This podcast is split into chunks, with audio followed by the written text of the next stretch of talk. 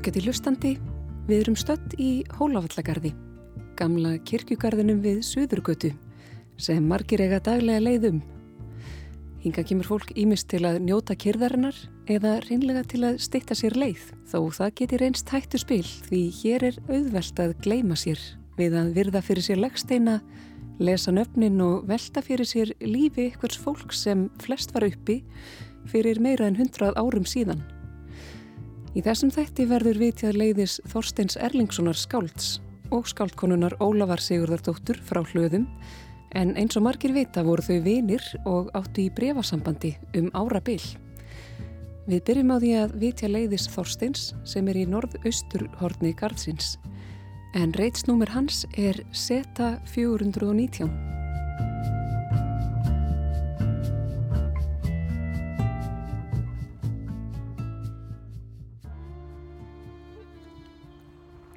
Leiði Þorsteins Erlingssonar er einstaklega fallegt og auðfundið. Það er upp við kirkjugarstíin og sker leggstætnin sig úr frá öðrum hér í gardinum. Leiðið er umlugt hlaðnum steinvegg og leggstættin hinn veglegasti. Gífurlega hár og er efri parturinn drópalega og úr annars konar steini, ljósari að lit. Í bóksinni Minningarmörki í Hólavallagarði skrifar Björn T.H. Björnsson að sjálfur letur steinin, það er að segja þar sem nöfnin eru skrifuð, sé ferhildur, en niður í hann miðjan gengur stort drópaform með sporlaga eirmynd neðst. Þessi leggstein er verk myndtökvarans Einars Jónssonar sem var vinur Þorsteins Erlingssonar. Um drópaformið skrifar Björn T. Björnsson að drópin, vastdrópin, tárið, daggardrópin sé fullkomið frumform náttúrunar og byrti því sjálfur sér bergmálið frá alheim skaparanum og veitnar þar í orð Einars Jónssonar sjálfs um verk hans.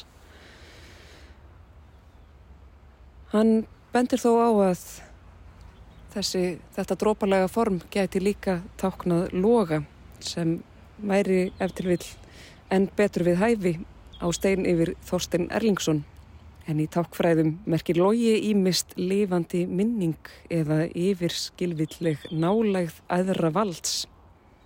Og litla ermyndin neðst á loga eða drópaforminu sínir kristmynd verndari í víðum kubli heldur öðrum handlegnum utanum mannveru en bendir með hinni upp til kletta með miklum stuðlabergsströngum. Á einar hlið eru einni klettar en upp á millið þeirra og meðfram háu bergþýli likur brattur stígur. Verðist svo sem mannverunni sé til þess bent að þar sé brautin upp úr þessum ríka dal.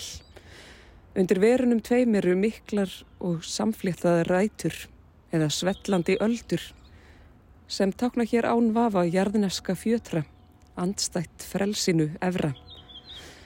Að sjálfsögðu kemur í hugan hvæðið brautin þar sem Þorstein eggjar menn að brjótast það beint þó brekkurnar verði þar hærri, skrifar Björn T.H. Björnsson. Það nú orðið heldur ógreinilegt letrið á steininum en sem betur fyrr er það prentað hér í bók Björst T.H. Björnssonar fyrir neðan nöfn þeirra hjóna á samt fæðingar og dánardærum stendur. Ég trúi því sannleiki að sigurinn þinn að síðustu vegina jafni og þér vinn ég konungur það sem ég vinn og því stíg ég heiklust og vonglaður inn í frelsandi framtíðar nafni.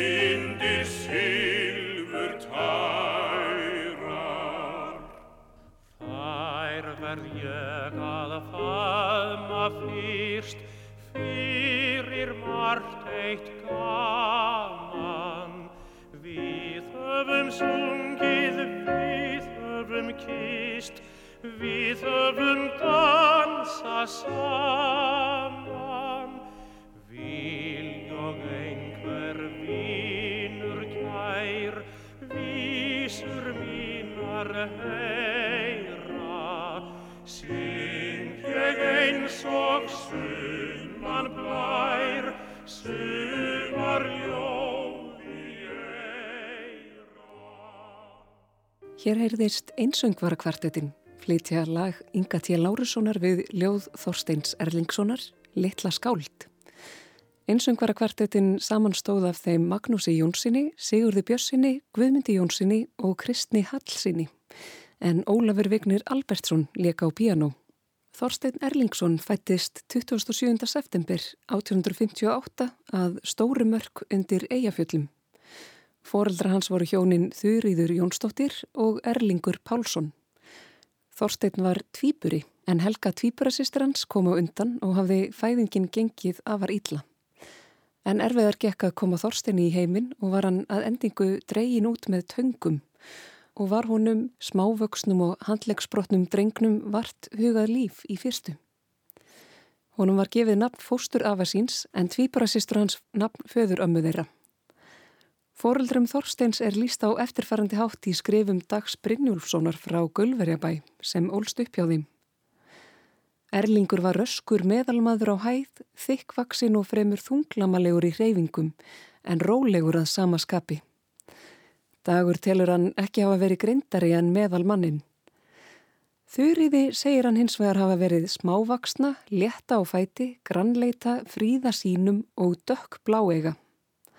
Hún var sérstök fróðlegs kona, enganlega um ættir og kunni skila á ættum presta og síslumanna viðsvegar um land. Dagur segir hann að jafnframt hafa verið sann kristna konu sem fór með guðsorð á hverjum degi, kvölds og mótna og treysti því fullkomlega að börn þeirra sem dáin voru væru vel geimt í paradís og taldi til að hitta þau þar. Þurriður og Erlingur, foreldrar Þorsteins, áttu alls 13 börn en aðeins sjö þeirra lifðu af frum bernsku.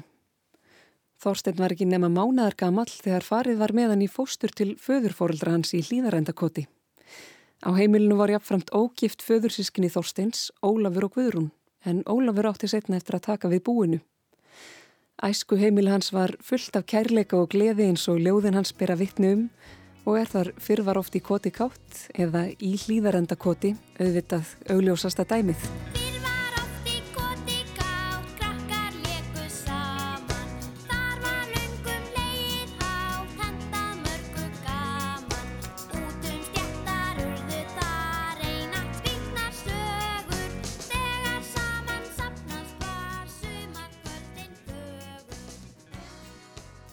Veturinn 1872, þegar Þorstein var 13 ára, varðan fyrir þeim harmi að missa báða fósturfórildra sína, sem sagt ömmu sína og afa, með aðeins mánaðar millibili. En þau voru þá á áttræðisaldri. Er Helga sögð hafa látist af elli lasleik en Þorstein af elli hrumleik. Eins og áður sagði tók Ólafur sonur þeirra við búi þeirra og bjóð Þorstein því áfram í hlýðarendakoti hjá honum. Þegar Þorstein var átta ára flutti Jón Jónsson söðlasmiður að hlýðarendarkoti og áttan eftir að reynast örlega valdur í lífi pilsins. Jón var alþýðu fræðimaður og átti fjöldan allan af spennandi bókum sem Þorstein Littli sótti í. Á milli þeirra myndaðist sérstök væntumþykja og þótti Jóni pilturinn greinilega efnilegur. Jón var vinur stórskáldana Mattíasar Jókumssonar og Stengrims Torstinssonar og talaði við þá um drengin. Sumarið 1876, þegar Þorstein var tæplega 18 ára, komu þeir í fljótslíðina og nefnir Mattias þann fund í sjálfsæfisögu sinni, sögukablar af sjálfum mér. Þá vil ég geta þess að við Stengrimur Torstensson fundum pilt austur í fljótslýð er okkur þótti gott mannsefni. Það var Þorstein Erlingsson.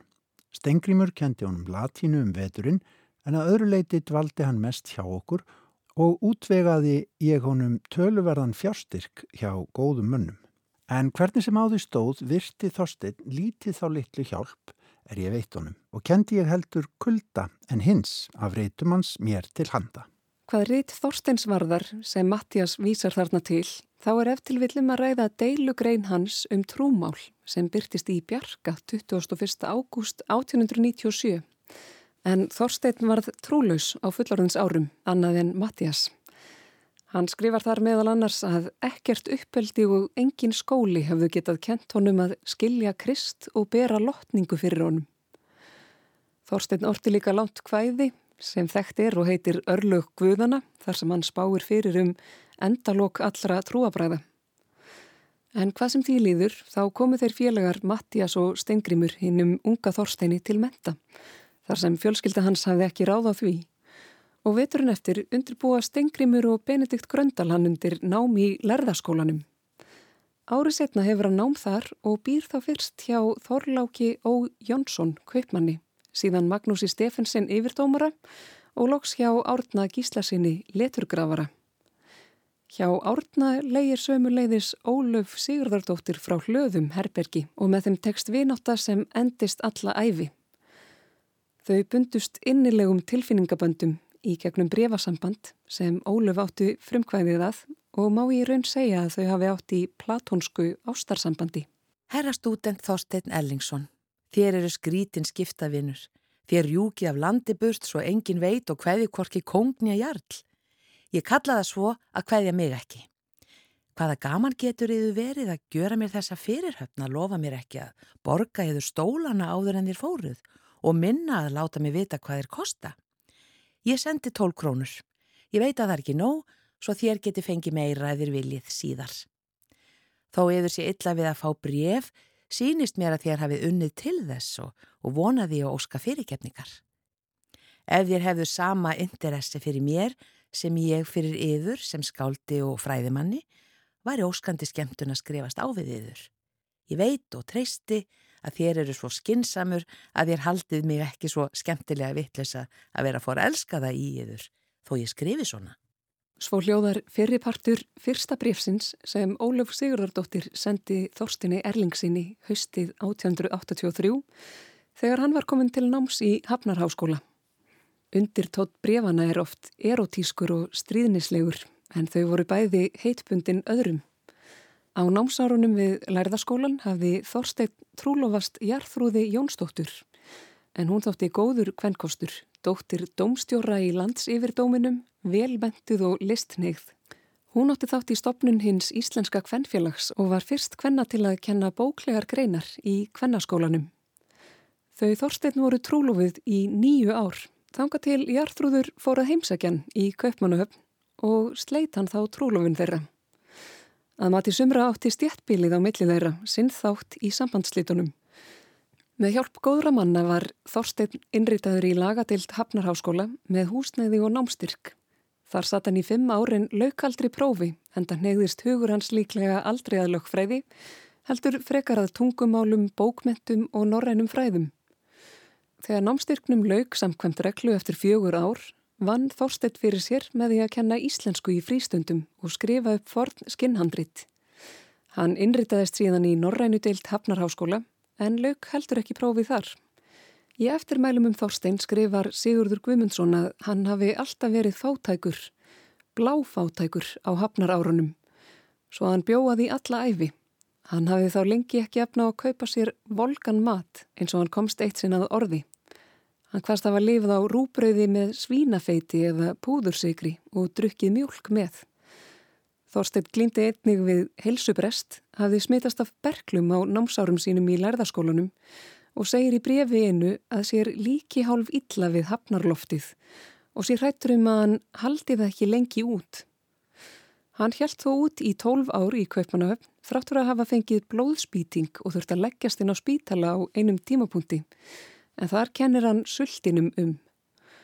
Guðmundur Magnússon skált hefur það eftir honum að oft hefði blóðhóstin komið að sér í kennslustundum í höfn en hann verið orðin honum svo vanur að hann hefði alls ekki hægt við kennslustundina þess vegna og ætið gengið heim.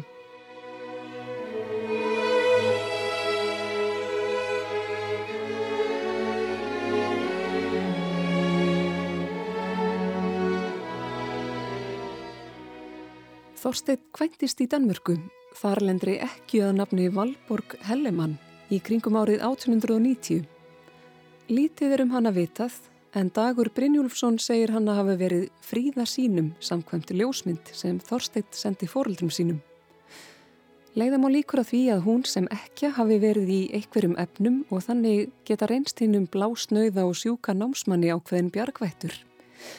Haustið 1896 flutti Þorstein hins vegar heim til Íslands, nánar tiltekið til Seyðisfjörðar.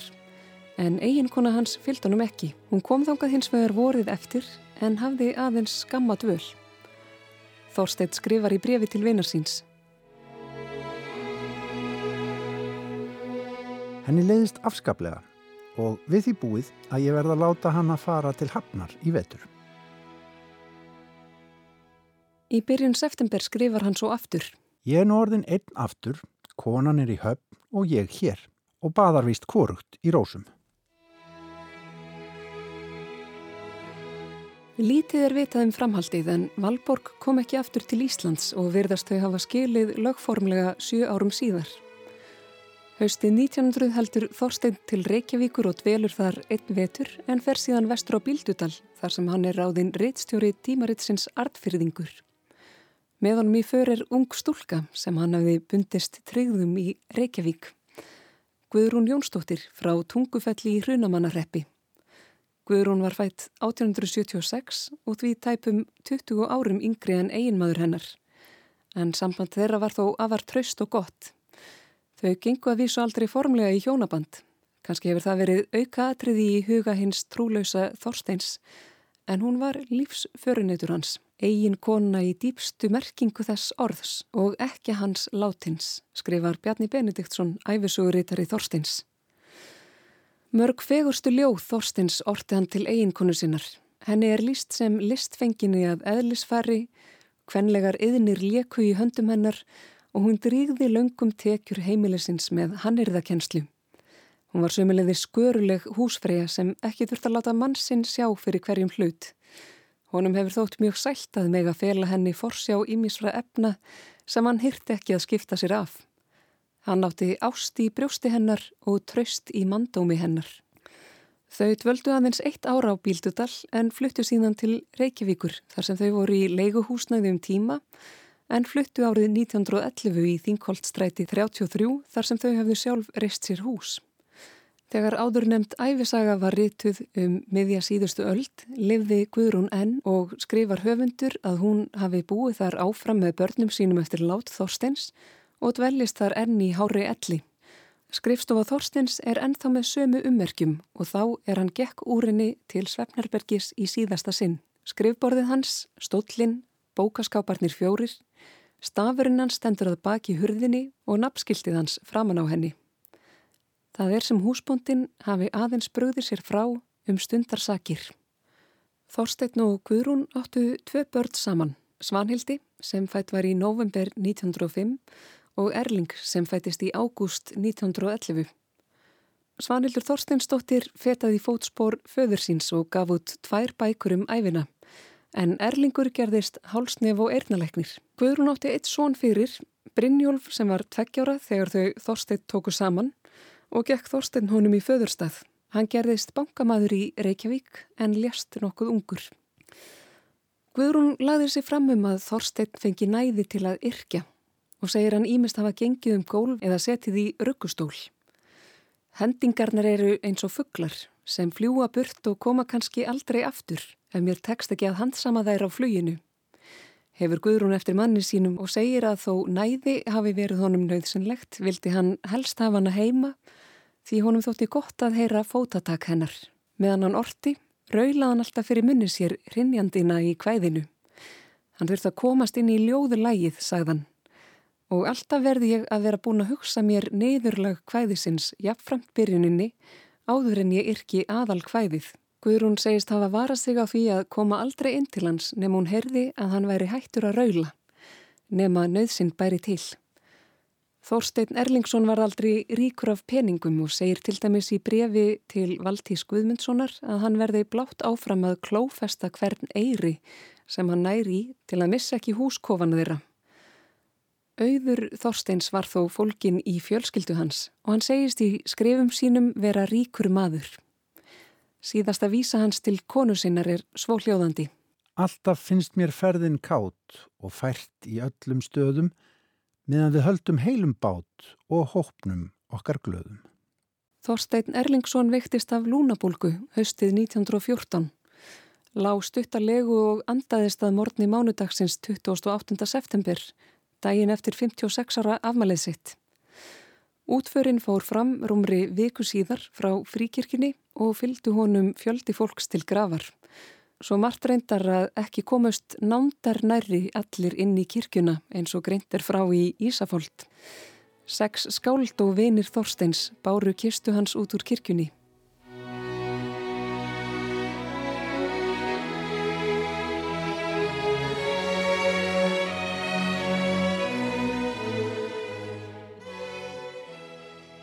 Leiði Ólafar Sigurðardóttur frá hljöðum er tínt í Hólavallagarði en vitað er þó að hún var grafin norðanmegin í garðinum samkvæmt heldur ónákvæmum leggskrám. Í miðjum garðinum í ákveðnum síningar eða minningarreit var henni þó reistur leggsteinn fyrir ekki svo löngu síðan. Það er útökvin mynd af skáldkoninni þar sem augunum frægu eru sannarlega gerð góð skil. Óluf Sigurðardóttir skáldkona frá hlöðum, fætt 9. apríl 1857, dáinn 23. mars 1933. Tárin, dýfsta sæla og sorgin þunga, svífa hljóðulust yfir storð. Þeirra mál ei talar tunga, tárin eru begja orð.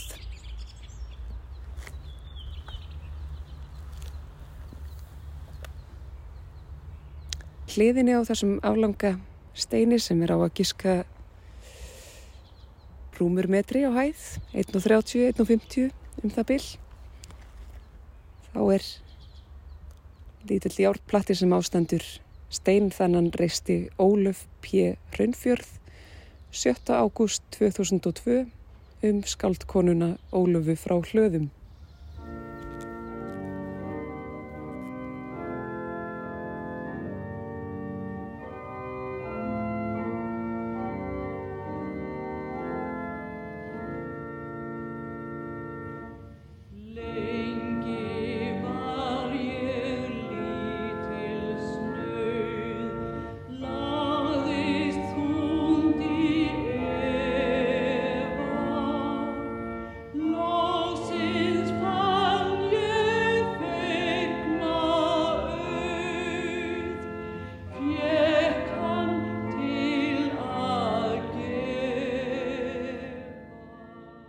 Elsa Sigfús heyrðist hér syngjalag Páls Ísolfssonar við ljóð Ólafar frá hlöðum en Pál leik sjálfur undir á orgel. Ólaf Sigurðardóttir fættist 9. april 1857 að Sauðadals á á Vastnesi. Fóreldrar hennar voru Magdalena Tómasdóttir og Sigurður Sigurðsson. Sumir telja móður Ólafar hafa verið rángfæðraða og hún væri í raun dóttir Sigurðar Ólafssonar í Katadal og þar með hálfsistir Fridriks Sigurssonar sem hálshögvin var árið 1830 fyrir morðið á Natani Ketilsinni. En móður Fridriks og eiginkona Sigurðar frá Katadal var móður sýstir Magdalinu og því ekki undarlegt að farið væri lengt með fadernið. Þau Fridrik hafa sem sagt verið sískinabörn og mögulega líka hálfsískinni. Ólöf var næst yngst í röð tíu sískina Móðurinnar hafi verið gift áður og egnaðist alls 16 börn en 10 livðu. Ólöf lýsir æskuheimili sínu að Þorgrimstöðum sem ofurlittlu koti fremst í Dalverfi Littlu í ritgerðinni Bernsku heimilið mitt sem byrtist í Eimriðinni árið 1906. Þar segir hún að fátæktin hafi verið mikil meðan börnin voru ung en all góður efnahagur síðan. Ritgerðin hefst á vísu. Ég man hvernig fávisku hjekómin hjekk í hugskotum manna þar satt ég á bekk í æsku hjá bábilju blekking. Það var ekki kveikt við þá göter ég gekk og gefðinum ljós sem ég þráðan ei fjekk, mannveitsins þroska og þekking. Móður sinni lýsir Ólöf sem kvenskurungi, kjarkmikilli, ráðríkri, helsugóðri og fyrirtakstugleiri. Húsakinni voru eins og moldarkofarnir okkar geta vestir verið. Baðstofan lítil og lág með torrbálki, óþyljuð öll nema lagðar lausar fjalir fyrir ofan rúmin. Rúmstæðin torrbálkur með rúmstokki og fótakabli úr fjölum. Ekkert borð, ekkert sæti annað en rúmin. Hillur yfir hverju rúmi, þar stóðu askarnir, diskarnir og margt annað röstl. Á innra stafgólfinu annars vagar á þekjunni var tveggja rúðu glergluggi lítill en í fremra stafgólfinu var skjágluggi. Líknarbelgur, blöytur þanin á tregjörð, settur svo í kringlott gat á þekjunni. Dauða glætu bara í gegnum skjáin en ef rikningastormur var þá þauðt í þeim skjá. Til ljósa á vetrum var höfð hrossafeiti eða selísi, járn eða koparlampi, hjekk í maramilli rúmana og sendi dauða glætu um baðstofi kittur okkar. Lýsing Ólafar á vistarverunum eru heldur nöturlegar og freistandi væri að láta lengri brotur texta Ólafar fylgja hér en sögðantað var til að mynda notað til eldsneitis og ef húsin láku í regningum sem þau öll gerðu, segir Ólöf, voru þau breytt með kúamíkju. Þegar ofan á okkur laki í rúmunum, skrifar hún, voru öll söðskinn sem til voru breytt ofan á okkur og okkur var sagt að liggja alveg kerrum svo potlarnir sem stóðu í skinnunum rinnu ekki ofan undir til okkar. Þetta þótt okkur ókn gaman. Ekki fór mikið fyrir hreinleiti en Óluf segir þau börnin ekki hafa fengið að greiða sér og þrýfa nema á sunnudugum því svo var rekið á eftir þeim við vinnuna. Heimilsfólki borðaði úr öskum sem fegnir voru tvísvar á ári en annars sáu hundarnir um að verka þá eftir hverja máltíð. Ef farðin efst innan í börmunum var orðin svo þykkur og segur að hundstungan náðunum ekki þá tóku þeir sem reynlátastir voru nývin sinn stöku sinnum og skófuburt farðan, skrifar Óluf og lýsir því jafnframt að hafa séð nývapör í fyrsta sinn í erfidrykju einni þegar hún var 12 ára og staðið ógnaf þeim vanda að eiga nota þau. Þó vistarverurnar væru nöturlegar nýsti menningarleysið Ólufi meira. Hún segir föður sinn hafa lítið unnað fárum listum því hann hafðum annað að hugsa. Oft greti þegjandi af leiðindum og laungun eftir að fá að læra einhvern hekoman sem kalla var. Leikið ykkur var svarið þegar við sögðum okkur leittist og spurðum að hvað við ættum að gera. Þau leiku sér þá en ég þráði og grétt, vildi endilega líkjast preststætrunum þó ég þyrði ekki að segja það því öllum þótti ég afvæli mikið og táblust af styrmi. Fadir Ólafar var helsulítill segir hún það hafa stafað af harðri meðferði í æsku. Fyrirbænir móður minnar, blóðtökur, bön í fæti og kamfóru brennivín var honum til lækninga haft, skrifar Óluf og heldur áfram. Það ráð vissum við best við heimakomu. Sjúklingurinn átti að setja yfir heitri keitu, hlaupa síðan upp bratta fjálslíð, þá var þeim sjúkdómi lokið. Þegar Óluf var nýjára fluttu þau fjölskyldan í betra húsnæði sem var nær öðrum bæjum. Hún lýsir því að þá hafið þau kynst betur háttum annara manna en í afdal þeirra og var það til þess að þau börnin gerðu uppreist gegn heimilistjórninni og fóru fram á að bærin væri þrefin almennilega. Þann dag man ég sem það komst á að reynsa baðstofuna og svo sigur gleðina mína um kveldið hana man ég líka. Á því gólfi voru óhreinindin orðin svo þykk að hvergi sá til fjala. Eftir að breytingin fór að komast á hjá okkur kom það í ljós hvað móður mín var reynlátt að náttúrufari. Þeir sem þekktu Ólufu á fullorðins árum lýsa einmitt heimili hennar sem óaðfinnanlegu og hafa æsku árin eflaust haft sín áhrif þar. Þegar Ólu var 19 ára gömul fór hún að prestsetrinu á tjörn og tók prestfrúin Yngibjörg Eggertsdóttir hanna undir sinn verndarvæng. Hún verðist að hafa sínt mentunar þrá Ólafar ótrúlegan skilning og senda hana til náms í ljósmóðurfræðum í Reykjavík. En það var svo að segja eina námið sem ungum alþýðustúlkum stóð til bóða á þessum tíma. Henni sóttist námið vel og mat doktor Jónas Jónasin landlegnir hæfileika hennar í starfinu þannig að verðt væri að senda hana til kaupanahafnar í framhaldsnámi fæinu. Þar fekk hún tækifæri til að umgangast annað mentafólk og kynntist ímsum skáldum. Hún dvaldi einn vetur þar ytra en hjælt þá aftur til Reykjavíkur að sinna ljósmóðurstörfum sömarið 1883. Fimm árum síðar fekk hún leifi frá störfum vegna veikinda en hún hafi fengið bergla í bakið sem ollu því að ryggurinn skektist. Hún fekk hnút á bakið og gekk upp frá því hókin. Bref Ólafar bera þess vott að ytra útlítennar og ímynd sem kynveru hafi skiptana töluverði máli. Í kjölfar veikindana skrifar hún Þorsteini. Svo er ég skínandi hóruð að það þykir öllum ljótt nema haldóru mínum. Honum þykir svo ósköp fallegt að sjá svona lægið á hverju beini í kroppnum gegnum skinnið. Ég er heppin með fegurðasmekkin hans. Í sama brefi segir hún jafnframt að engin maður geti fengið ást á vakstarpríði hennar framar. Haldur hennar sem hún nefnir í brefinu var Haldur Guðmundsson, trésmiður á hlöðum í Hörgárdal. Þau gengu í hjónabandað kvöldi 7. ágúst 1887. Hún var þá 30 en Haldur 7 árum eldri. Samband þeirra verðist hafa verið líkara vina eða sískinasambandi eða jafnvel sambandi föður og dóttur heldur en ástarsambandi. En heimili þeirra hlöðum var tvískipt þar sem þau höfðu sitt hvort á stofuna og sitt hvort svefnherbergið. Auðvelt er að sjá hliðstæður úr lífi Ólafar í smásugu hennar hjálpini sem segir frá konu sem hefur evasemtur um tilfinningar sínar til unnustar síns. Hún giftist honum samt sem áður þó annar maður eigi hjarta hennar. Það þarf ekki mikið ímyndunarafl til að hugsa sér að Þorstein Erlingsson hafi átt hjarta Ólafar og einstinni hafi hún eftir vill vonað að hann myndi letja hanna í áformum sínum um að giftast Haldóri. Haldur var bókneður maður og hagleik smiður. Hann byrti tvær smásugur í einriðinni og eitthvað likur eftir hann af ljóðum. Í brefi til vinarsins segir hann meðal annars um samband þeirra Ólafar. Við nýgum hreint ekki í óminni ástardraumana eins og vantir að vera undir sömu kringustæðum og eins og fólkið sem veit af okkur hér inni mun ímynda sér. Því æsku lógin er horfin og hið hlýja í eðli okkar blandast ekkert af nokkru eigingjörnu eða ósæmilegu. Brúðköp þeirra fór fram í hálfgerðu leini og það er kvöldi til eins og áður kom fram. Brúðhjónin gengu ekki inn um aðaldir kirkjunarheldur gegnum komputir á austur hliðinni og kirkjuklukkonum var heldur ekki ringt.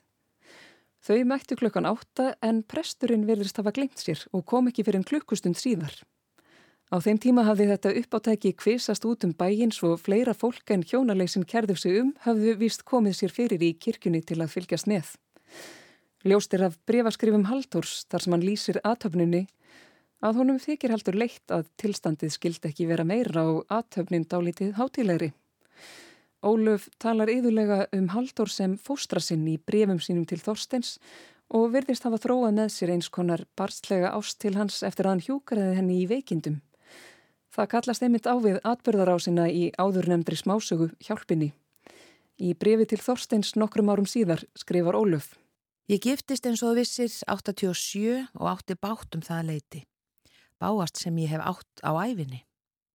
Allt leitt svo illa út fyrir okkur hjónunum hvað félagskap okkar snerti og svo náði hann engum föstum fótum í Reykjavík með atvinnu og undi þar hið versta. Ég átti sem sagt bátt og hann átti bátt og svo veiktist ég og lá lengi um veturinn og þá fór blessu sólin að skína í gegnum myrkrið í mér. Því hann fór að hjúgra mér eins og mömmurna hjúgra litlbörnunum sínum og ég fór að elska hann aftur. Óluf og Haldur byggu norður á hlöðum í rúma þrjá áratví þar til Haldur lest í ágúst 1920. Þá flutti Óluf til Akureyrar og síðan aftur til Reykjavíkur. Óluf hafði kynst spiritisma í gegnum einar há kvaran og var virkur meðlimur í Guðsbyggjifélaginu. Eftir andlátt Þorsteins Erlingssonar skrifaðist hún mikið á við ekju hans, Guðrúnu, og saðinni frá meðilsfundum þar sem Þorstein átt að hafa komið við og beðið fyrir ímsar kveðjur. Guðrún skrifar Blessuð, elskar mín. Reyndu nú að komast í samband við hann og segðu mér allt sem þú getur um það. Það er mín besta gleði. Þú getur varla gert annað góðverk meira í byli, elskar mín. Svanhildur mín þráir það líka eins og ég. Hún á bátt, elskar mín, og þau bæði. Sorg þeirra er sár og heit sem vonir. Þau áttu betri föður en flest börn og þar að þau ekki leikbróður. Ólöf yrkir um svipað leiti. Hvað með langar, langar yfir, litla eyðið, dauðans sund. Geiglaus sígur svefnin yfir, sem ber mig á ykkar fund. Fyrst þú vinur vakir lifir, vektu mig af dauðans blund. Vektu fyrstu vitund mína, vinur stattu hjá mér kyrr. Ef ég horfa á ásýnd þína, endur minning vaknar spyr. Augun fóru á mig skína og opnar standa ljósin styr.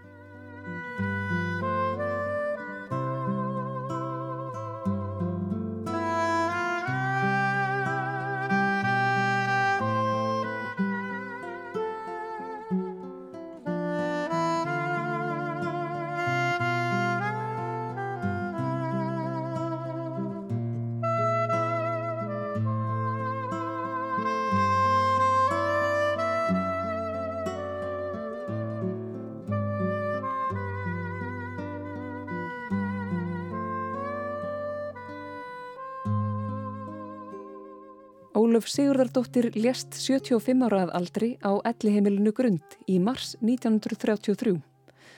Jón Auðuns satt hjá henni daginn fyrir andlátið og segir hann að hafa verið gersamlega þróttnað kröftum en lýsir hvernig nær blind augu hennar leiftruðu er hún talaði um daginn, morgunin sem nú væri framundan. Í þessari lýsingu líkt og fleirum á útliti Ólafar eru augun hennar helsta enginni en þau voru gráblá og óvinnulega stór og sagt er að í þeim hafi verið sérkennilegur glampi. Eitt er víst að orð hennar lifa. Og við skulum ljúka þessari umfjöllin um skáldkonuna frá hlöðum með því að heyra rött hennar. En það er ekki oft sem heyra má rattir fólks frá þessu tímabili. En rött Ólafar má heyra á upptöku sem Jón Björn Gíslason tók upp á Vaxholk eitthvað tíman á bylinu 1915 til 1920 og eru gæðin eftir því. Þar heyrist Ólaf fara með brotur tilfinningaríku kvæði sem hún orti á efri árum eða eins og Jón Auðuns orðaði það. Á þeim aldrei er tilfinningalíf flestra manna er fallið í fölskva og orðið sviplítið og döft. Satt hún við skrifborðið sitt, öldruð, þreytt og hrum. Og að því upptakan er afar ógreinileg er best að lesa hér fyrsta erindið. Dáði ég þennan, þennan mann, þráttu með penna og óði, læt ég ennþá enn um hann, eld minn brenna í hljóði. Ólaf Sigurður stótti skálkona frá hlöðum. Dáði ég þennan, þennan mann, þrátt með penna og óði, mig rensa och änkan bränna jag. Säg mig välken svärva svart och är det svärd och är det tänkt som jag, som